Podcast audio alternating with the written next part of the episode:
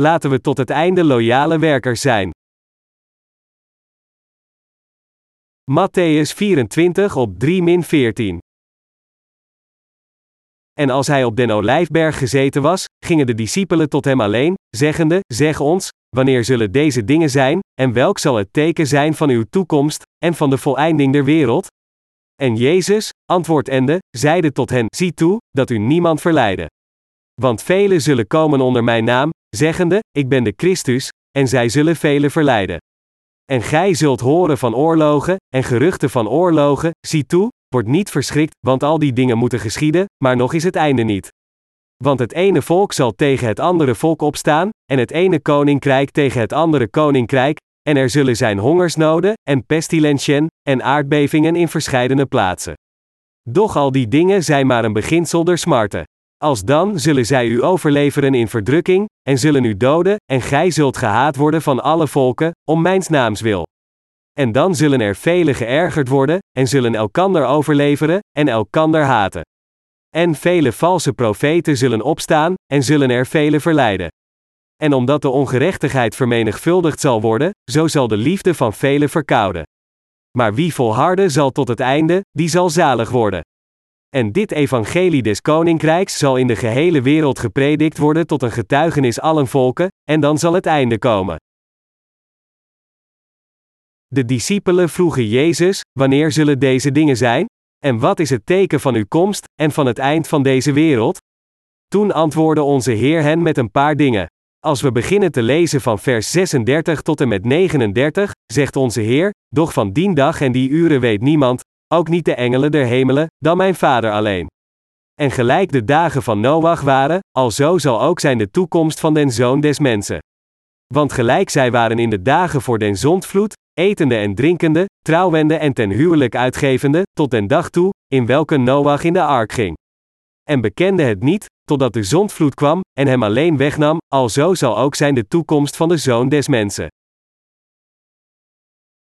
Tekenen die zullen verschijnen aan het einde van deze wereld. De Heer sprak weinig over de tekenen die aan het einde van het tijdperk zullen verschijnen.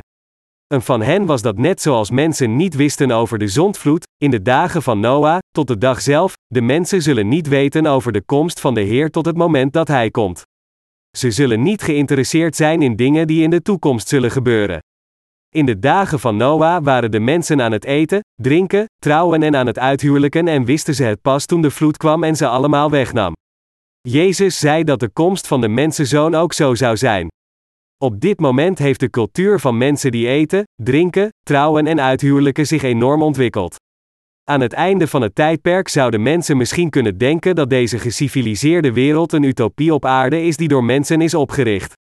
De omstandigheden waren niet alleen zo tijdens de dagen van Noachs vloed, we hebben het nu ook in deze tijd. Dingen zijn in grotere mate ontwikkeld. Bovendien leven we in een tijd waarin mensen alles kunnen doen wat ze willen. Dingen zoals mensen die eten, drinken, trouwen en uithuwelijken wordt meer en meer gewoon als het einde van het tijdperk korter bij komt. Natuurlijk hebben dergelijke dingen altijd bestaan in elke menselijke samenleving en ik zeg niet dat ze slecht zijn. Maar wat ik bedoel is dat mensen alleen geïnteresseerd zijn in de verlangens van het vlees. Er is niets dat mensen tegenwoordig niet kunnen doen. We kunnen luchthavens op zee bouwen en extravagante en prachtige fonteinen maken met behulp van laserstralen en water. Als mensen hun hart erop richten, kunnen ze genieten van meer plezier dan de koningen van vroeger genoten. Tegenwoordig is het voedsel dat we eten erg divers. Zolang als we geld hebben, kunnen we ervan genieten omdat er restaurants zijn die exotische gerechten serveren die we nog nooit hebben gegeten. Dingen die te maken hebben met trouwen en uithuwelijken zijn enorm toegenomen. Hoewel het slecht gaat met de economie, zijn bedrijven die te maken hebben met trouwen en uithuwelijken enorm in opkomst. Trouwzalen zitten vol met bezoekers en mensen die komen feliciteren. Als we naar bruiloftceremonies gaan, blijven de bruidegom en de bruid in aparte wachtkamers. In plaats van door het gangpad te lopen wanneer ze worden geroepen, komen ze samen op een bepaalde plaats en verschijnen tegelijkertijd op een kleine modeltrein omringd door toneelmist als een koning en koningin te midden van handgeklap van de gasten. We leven in een tijdperk waarin mensen kunnen doen wat ze willen wanneer ze dat willen. Jezus zei dat de tekenen van het einde van het tijdperk zouden zijn zoals in de dagen van Noah. Mensen zijn verdiept in eten, drinken, trouwen en uithuwelijken. De harten van de mensen worden volledig in beslag genomen door de dingen van de wereld. Menselijke emoties zijn volledig in de ban van de media dat hen stimuleert. Als gevolg daarvan is de cultuur zo hedonistisch geworden dat mensen alleen maar pleziertjes zoeken in eten, drinken en het hebben van seksuele relaties. De discipelen vroegen Jezus: Wat zal het teken zijn van het einde van het tijdperk? Onze Heer vertelde hen op te passen voor misleidingen van de mensen aan het einde van het tijdperk. Toen zei hij: En gij zult horen van oorlogen, en geruchten van oorlogen, zie toe, word niet verschrikt, want al die dingen moeten geschieden, maar nog is het einde niet. Hij zei: Het ene volk zal tegen het andere volk opstaan, en het ene koninkrijk tegen het andere koninkrijk, en er zullen zijn hongersnoden, en pestilentien, en aardbevingen in verscheidene plaatsen. Doch al die dingen zijn maar een beginsel der smarten. Oorlogen en geruchten over oorlogen als tekenen aan het einde van het tijdperk verwijzen naar een bruisende wereld. Er wordt gezegd dat er ongeveer 300 mensen zijn gestorven tijdens de overstromingen in Mexico. Ik vroeg me af hoe het zoveel kon regenen dat er zo een groot aantal mensen konden verdrinken. Het lijkt erop dat we tegenwoordig vaak getuigen zijn van ernstige hongersnoden en grote aardbevingen. Er zijn hongersnoden in Somalië en Noord-Korea, en aardbevingen in Turkije en Taiwan. Er is gemeld dat Rusland Tsjetsjenië aanvalt dat ooit onder zijn heerschappij stond. Toch is Tsjetsjenië een klein land van 19.000 vierkante kilometer met een bevolking van ongeveer 800.000. Maar een groot land als Rusland begeert dit kleine land, dat ongeveer een duizendste van zijn grootte is. Dit zal in de toekomst steeds vaker voorkomen. Onze Heer heeft gezegd dat volkeren zullen opstaan tegen volkeren en koninkrijken tegen koninkrijken. Deze passage zegt ook dat er veel oorlogen en geruchten over oorlogen zullen zijn. Zuid-Korea bevindt zich sinds 1953 in een onstabiele situatie door de wapenstilstandovereenkomst. Dit betekent dat beide Korea's op elk moment de wapenstilstand kunnen breken en oorlog tegen elkaar kunnen gaan voeren. Echter, Zuid-Korea heeft de vrede tot nu toe kunnen behouden. Dit komt omdat God dit land heeft beschermd vanuit zijn liefde voor de rechtvaardige mensen in Zuid-Korea. Ik kan God niet genoeg bedanken dat Hij dit land beschermd heeft wanneer het een crisis aanschouwde en ons toestond het evangelie onophoudelijk te prediken. De smarten zijn nu over heel de wereld begonnen. Doch al die dingen zijn maar een beginsel der smarten. De smarten zijn nu over heel de wereld begonnen. Er wordt gezegd, en er zullen zijn hongersnoden, en pestilentien, en aardbevingen in verscheidene plaatsen. Doch al die dingen zijn maar een beginsel der smarten. Dit zijn natuurrampen en dingen die door God worden toegestaan. Het zijn geen dingen die God opzettelijk doet. Onze Heer weet al dat deze dingen gaan gebeuren. Menselijke wezens weten niet wat er in de toekomst gaat gebeuren, maar onze alwetende God weet alles. De Heer zei dat er hongersnoden en aardbevingen zullen zijn. Wat denkt u dat er met u gebeurt als de hongersnoden en aardbevingen voorkomen in deze wereld? Dit huidige tijdperk is het begin van smarten. Denkt u dat mensen kunnen leven als er aardbevingen en hongersnoden zijn? Wanneer een sterke aardbeving plaatsvindt, zal iedereen sterven. Er was een aardbeving met een kracht van 7 op de schaal van Richter in Taiwan, maar de bevolking van Taiwan was niet eens verrast. Voor hen leek de dood van een paar duizend mensen alledaags. Omdat daar regelmatig aardbevingen voorkomen met een kracht 5 op de schaal van Richter, lijken ze zich geen zorgen te maken. Wat zou er gebeuren als wij het waren? Als de lampen heen en weer zwaaien en de boekenkasten omvallen terwijl we aan het bidden zijn, zullen al jullie heiligen vluchten. De Taiwanese mensen zouden ook rennen, maar zij worden niet overvallen door angst en maken ook geen grote commotie zoals wij zouden doen. Ze zijn heel anders dan wij. Toch zullen sommige landen verdwijnen vanwege de aardbevingen. Overweeg even dat er een sterke aardbeving in Korea zou zijn. Als een aardbeving met een kracht 7 in Korea zou gebeuren, dan zou het waarschijnlijk een bedreiging voor ons bestaan vormen. Niet alleen zou onze economie afbrokkelen, maar meer dan de helft van de bevolking zal sterven en het land op zich zou verdwijnen. Doch al die dingen zijn maar een beginsel der smarten, Matthäus 24 op 8. Wanneer de mensen alleen maar willen eten, drinken, trouwen en uithuwelijken, wanneer de cultuur wilderig wordt zoals in de dagen van Noachs vloed, zal dit het einde van het tijdperk zijn. Dit is wanneer de aardbevingen en hongernoden vaker zullen gaan voorkomen, en epidemieën zullen ontstaan net zoals oorlogen vaak hier en daar in deze wereld zullen voorkomen. Op dit moment is er een wereldwijd alarm over de vogelgriep. Oorspronkelijk was het een virale aandoening die zich alleen onder vogels verspreidde, maar door mutatie werd het een dodelijke ziekte die kan worden overgedragen op mensen. Een patholoog voorspelde dat ongeveer 150 miljoen mensen aan deze ziekte zouden kunnen overlijden. En hoe zit het met SARS? Het is algemeen bekend dat AIDS en het ebola-virus steeds meer terrein winnen in Afrika en de geciviliseerde wereld. Dit huidige tijdperk is het begin van smarten geworden. Onze Heer zei dat aan het eind van het tijdperk, de liefde van velen zal bekoelen omdat de ongerechtigheid overvloedig zal zijn. Er zijn gewoon te veel mensen die het hebben opgegeven om menselijk te zijn. Er zijn veel gruwelijke mensen in deze wereld. Net zoals hij zei dat de liefde zal bekoelen, is de liefde echt bekoeld. In dit tijdperk is er niet veel liefde. Er is geen liefde tussen diegenen die boven en beneden leven. Er is geen interesse tussen buren en we weten zelfs niet of iemand verhuisd is of niet. Het is zo koud en onverschillig geworden dat het lichaam van een oudere buur die alleen leefde voor vijf maanden aan het wegrotten was in een huis. Lang geleden, als we naar een andere buurt verhuisden, gaven we rijstwafels aan de buren. In Korea deelden de mensen rijstwafels met hun buren als zij hun verjaardag vierden. Maar met de versnelling van de verstedelijking zijn prachtige gebruiken zoals deze vervaagd. Er zijn nog steeds mensen die gestoomde rijstwafels bedekt met rode bonen verpakt in aluminiumfolie uitdelen. Meestal is het bij de opening van een nieuwe winkel dat rijstwafels worden uitgedeeld. De liefde is ook in onze samenleving koud geworden. Aan het einde van het tijdperk zal de liefde koud worden. De liefde is ook voor mij koud geworden.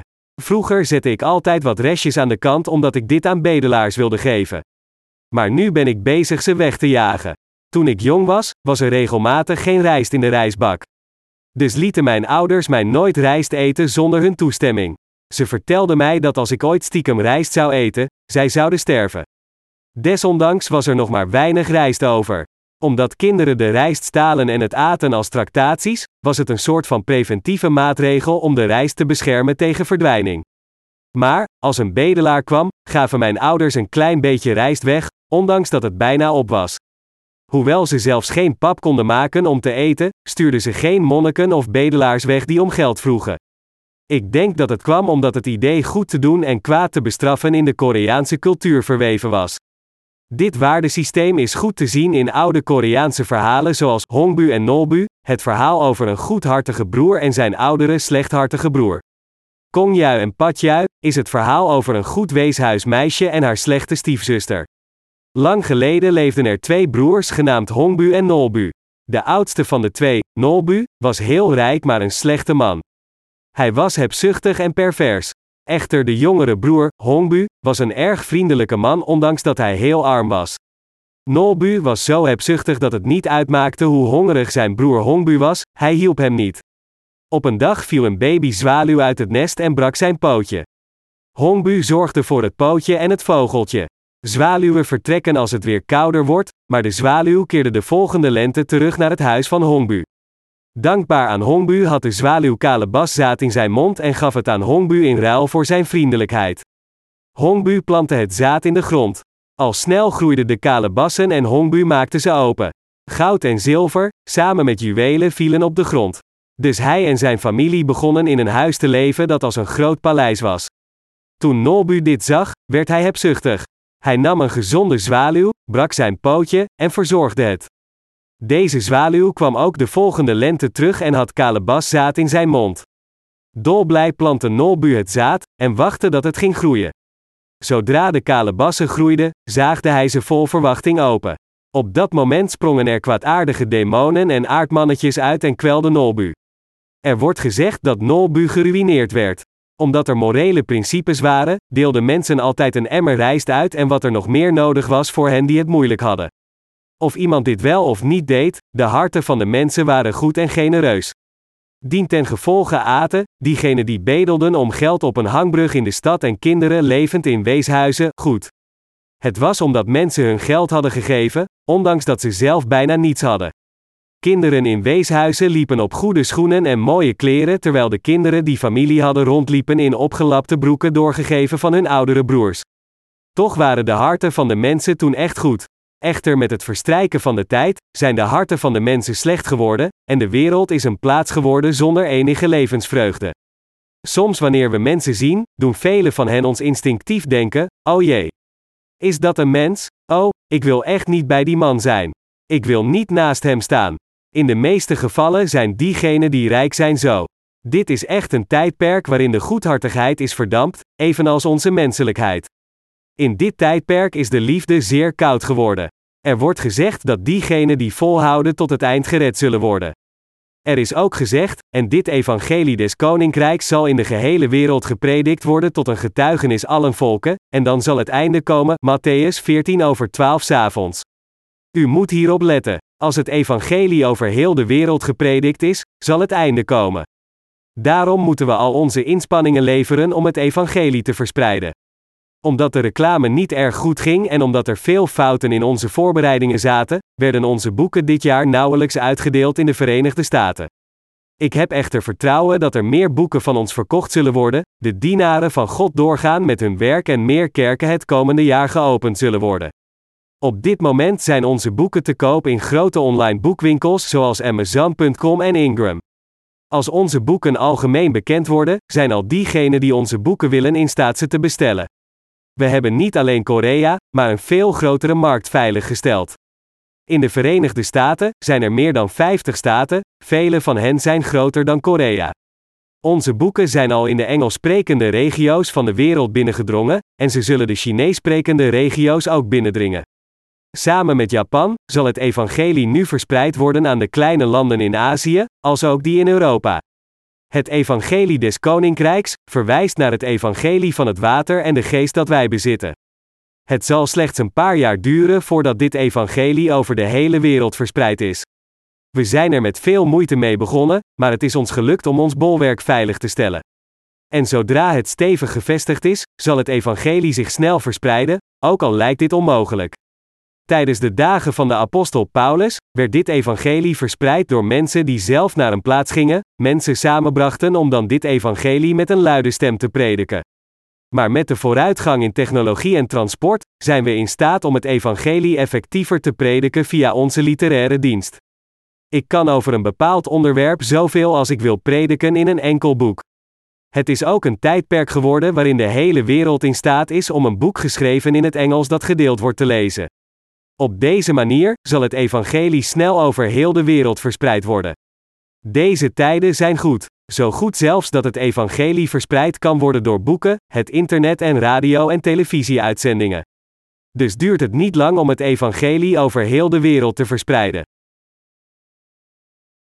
Het evangelie van het water en de geest zal over heel de wereld verspreid worden, en dan zal het einde komen. Het einde zal komen als dit evangelie over heel de wereld verspreid is.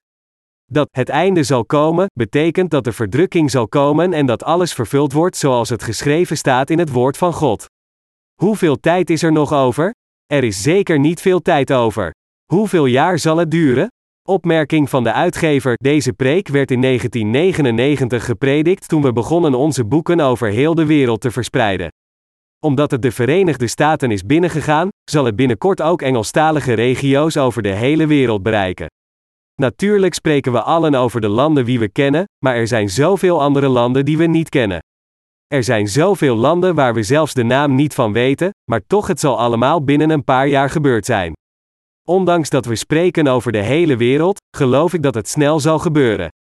Natuurlijk is de wereld groot, en zijn zoveel er veel dingen die we moeten doen, maar de wereld is niet zo groot dat we het niet voor elkaar krijgen.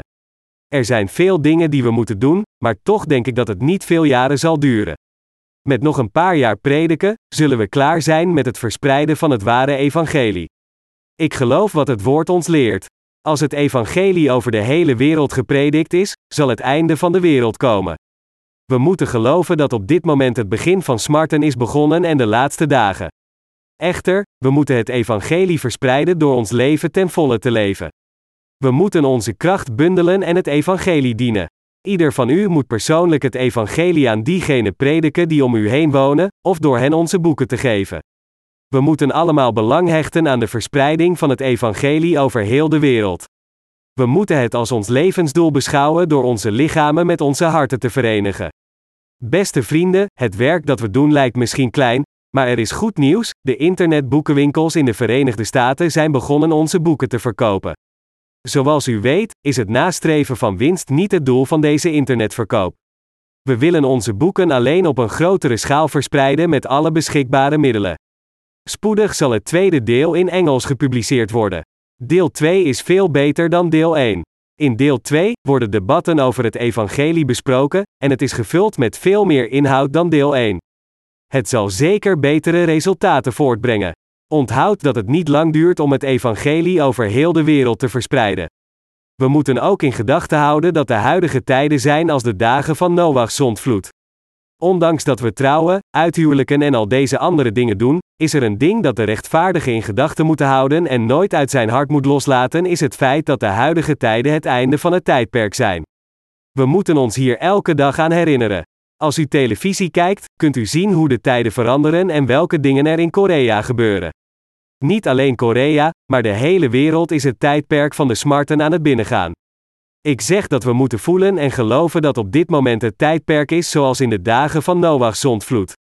We moeten geloven dat als het evangelie over heel de wereld gepredikt is, het einde zal komen. We moeten ons dit beseffen en erin geloven, en leven alsof het vandaag zal gebeuren. We moeten leven met het besef dat er niet veel tijd over is voor deze wereld. God zegt dat mensen in de dagen van Noah gingen trouwen, uithuwelijkten, enzovoorts, onwetend en ongeïnteresseerd, totdat de vloed kwam en de vernietiging op hen viel. Op dit moment weten alleen de wedergeborenen wat voor een tijd dit is. Anderen weten het gewoon niet. Ze denken dat aardbevingen een soort van natuurverschijnsel is dat voorkomt en in de toekomst zal blijven gebeuren. De mensheid zal blijven bestaan. Diegenen die goed eten en rijk zijn, zullen een goed leven blijven leiden.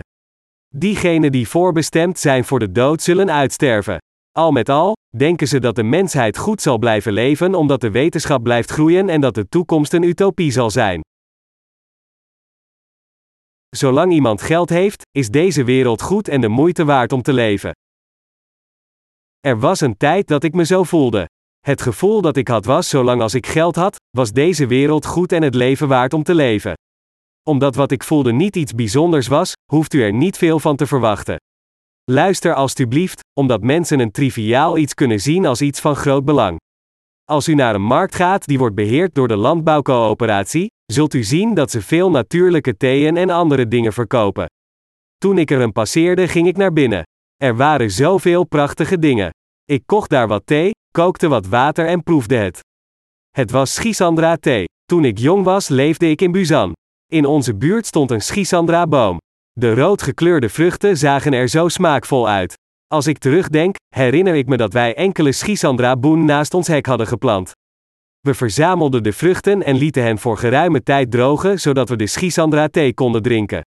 Het was zwaar werk dat onze zenuwen onder druk zette. Dit soort werk kostte veel toewijding. Maar hier was ik in staat in een paar seconden een volle zak te kopen met een klein beetje geld. Ik kookte wat water en legde de vrucht erin, en het werd deze prachtig gekleurde Schisandra thee. Wow, zolang als ik geld heb, is deze wereld de moeite waard om te leven. Hierdoor ben ik in staat om een beetje te begrijpen hoe de denkwijze van diegenen is die geld hebben en niet geloven dat er vernietiging komt. Toen ik de Schisandra thee aan het drinken was die ik had gemaakt, dacht ik dat de wereld zo gemakkelijk is, zolang je maar geld hebt. Ik dacht dat diegenen die geld hebben zo goed af zijn in hun levensstijl, dat ze echt de vroege komst van de Heer zouden vrezen. Er waren mensen die bang waren dat de Heer vroeg zou komen.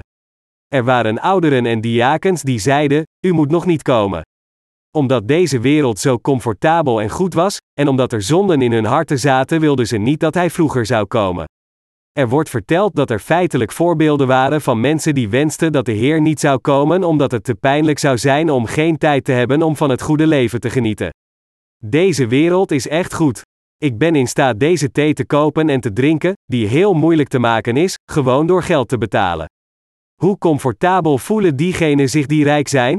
Zolang als iemand geld heeft, kan hij een jas gemaakt van alligatorhuid dragen.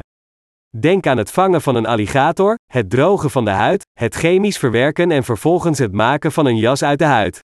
Al zou u uw hele leven op een alligator jagen, dan zou u nog niet in staat zijn kleren te dragen gemaakt van zijn huid.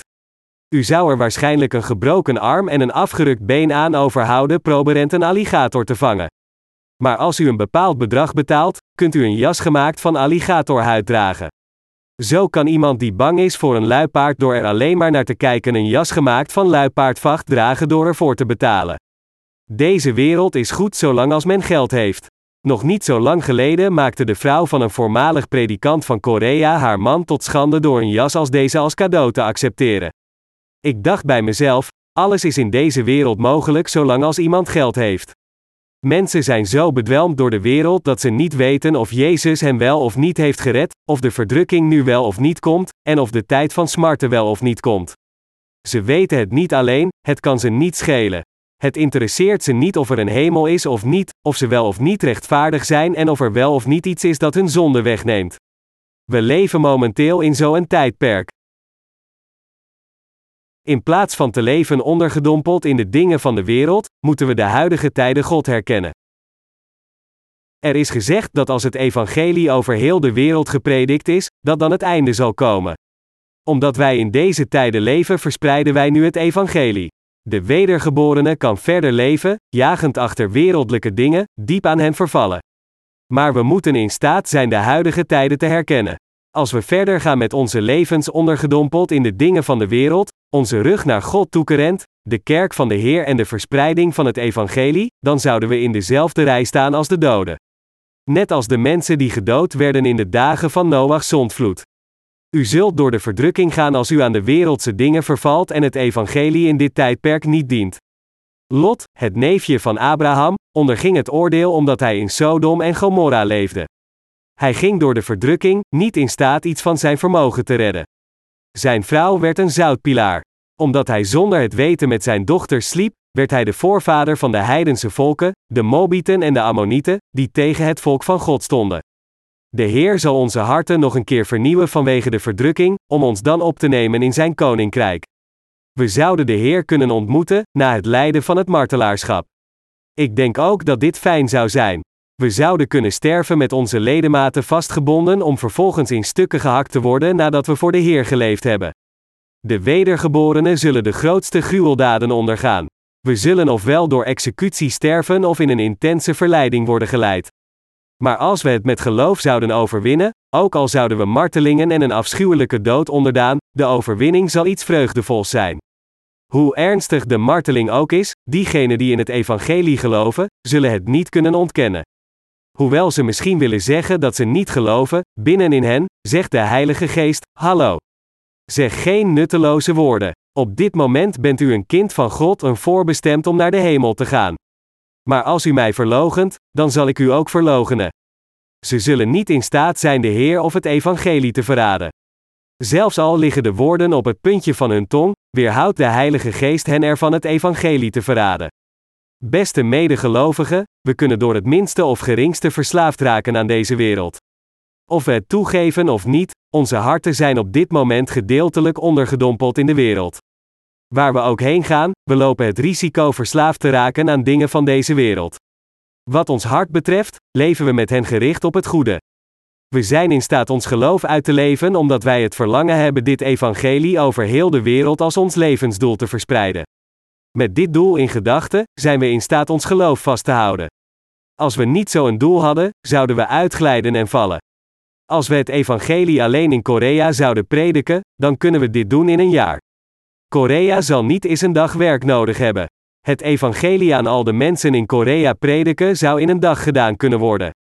Het zou volledig verspreid worden, als we onze boeken aan elke boekhandel zouden leveren, een dubbele advertentiepagina zouden publiceren in alle kranten en zouden adverteren op de radio.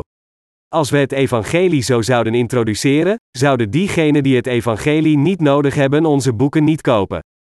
Maar diegenen die het nodig hebben, kunnen niet anders dan onze boeken te kopen.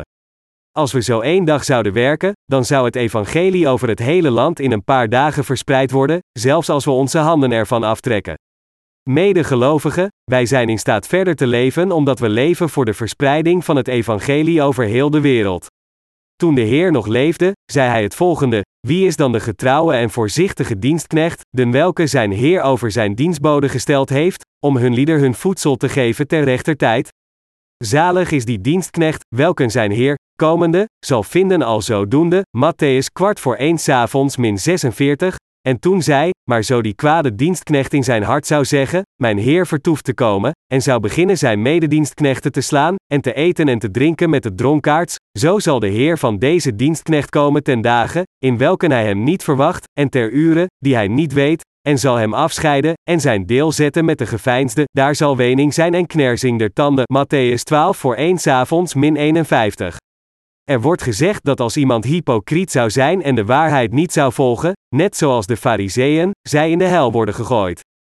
Net zoals de fariseeën meesters waren in het doen alsof ze zich aan de wet hielden, en net als hypocrieten, zullen deze mensen hun deel met de hypocrieten ontvangen. Onze Heer zei dit.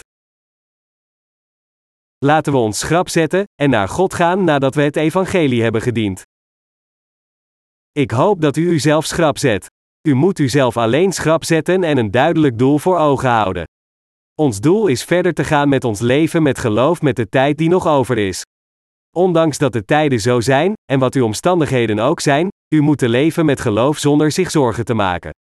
Ongeacht de situatie, mag u nooit de kerk verlaten. Wat er ook gebeurt, u moet blijven leven met het dienen van het evangelie, en voor elkaar te zorgen met één hart en één verstand. U moet nooit de kerk verlaten, en u mag nooit de verspreiding van het evangelie over heel de wereld opgeven. Het is absoluut zeker dat wij diegenen zijn die deze taak moeten uitvoeren. Beste gelovigen, er zullen meer rampen in de toekomst voorkomen.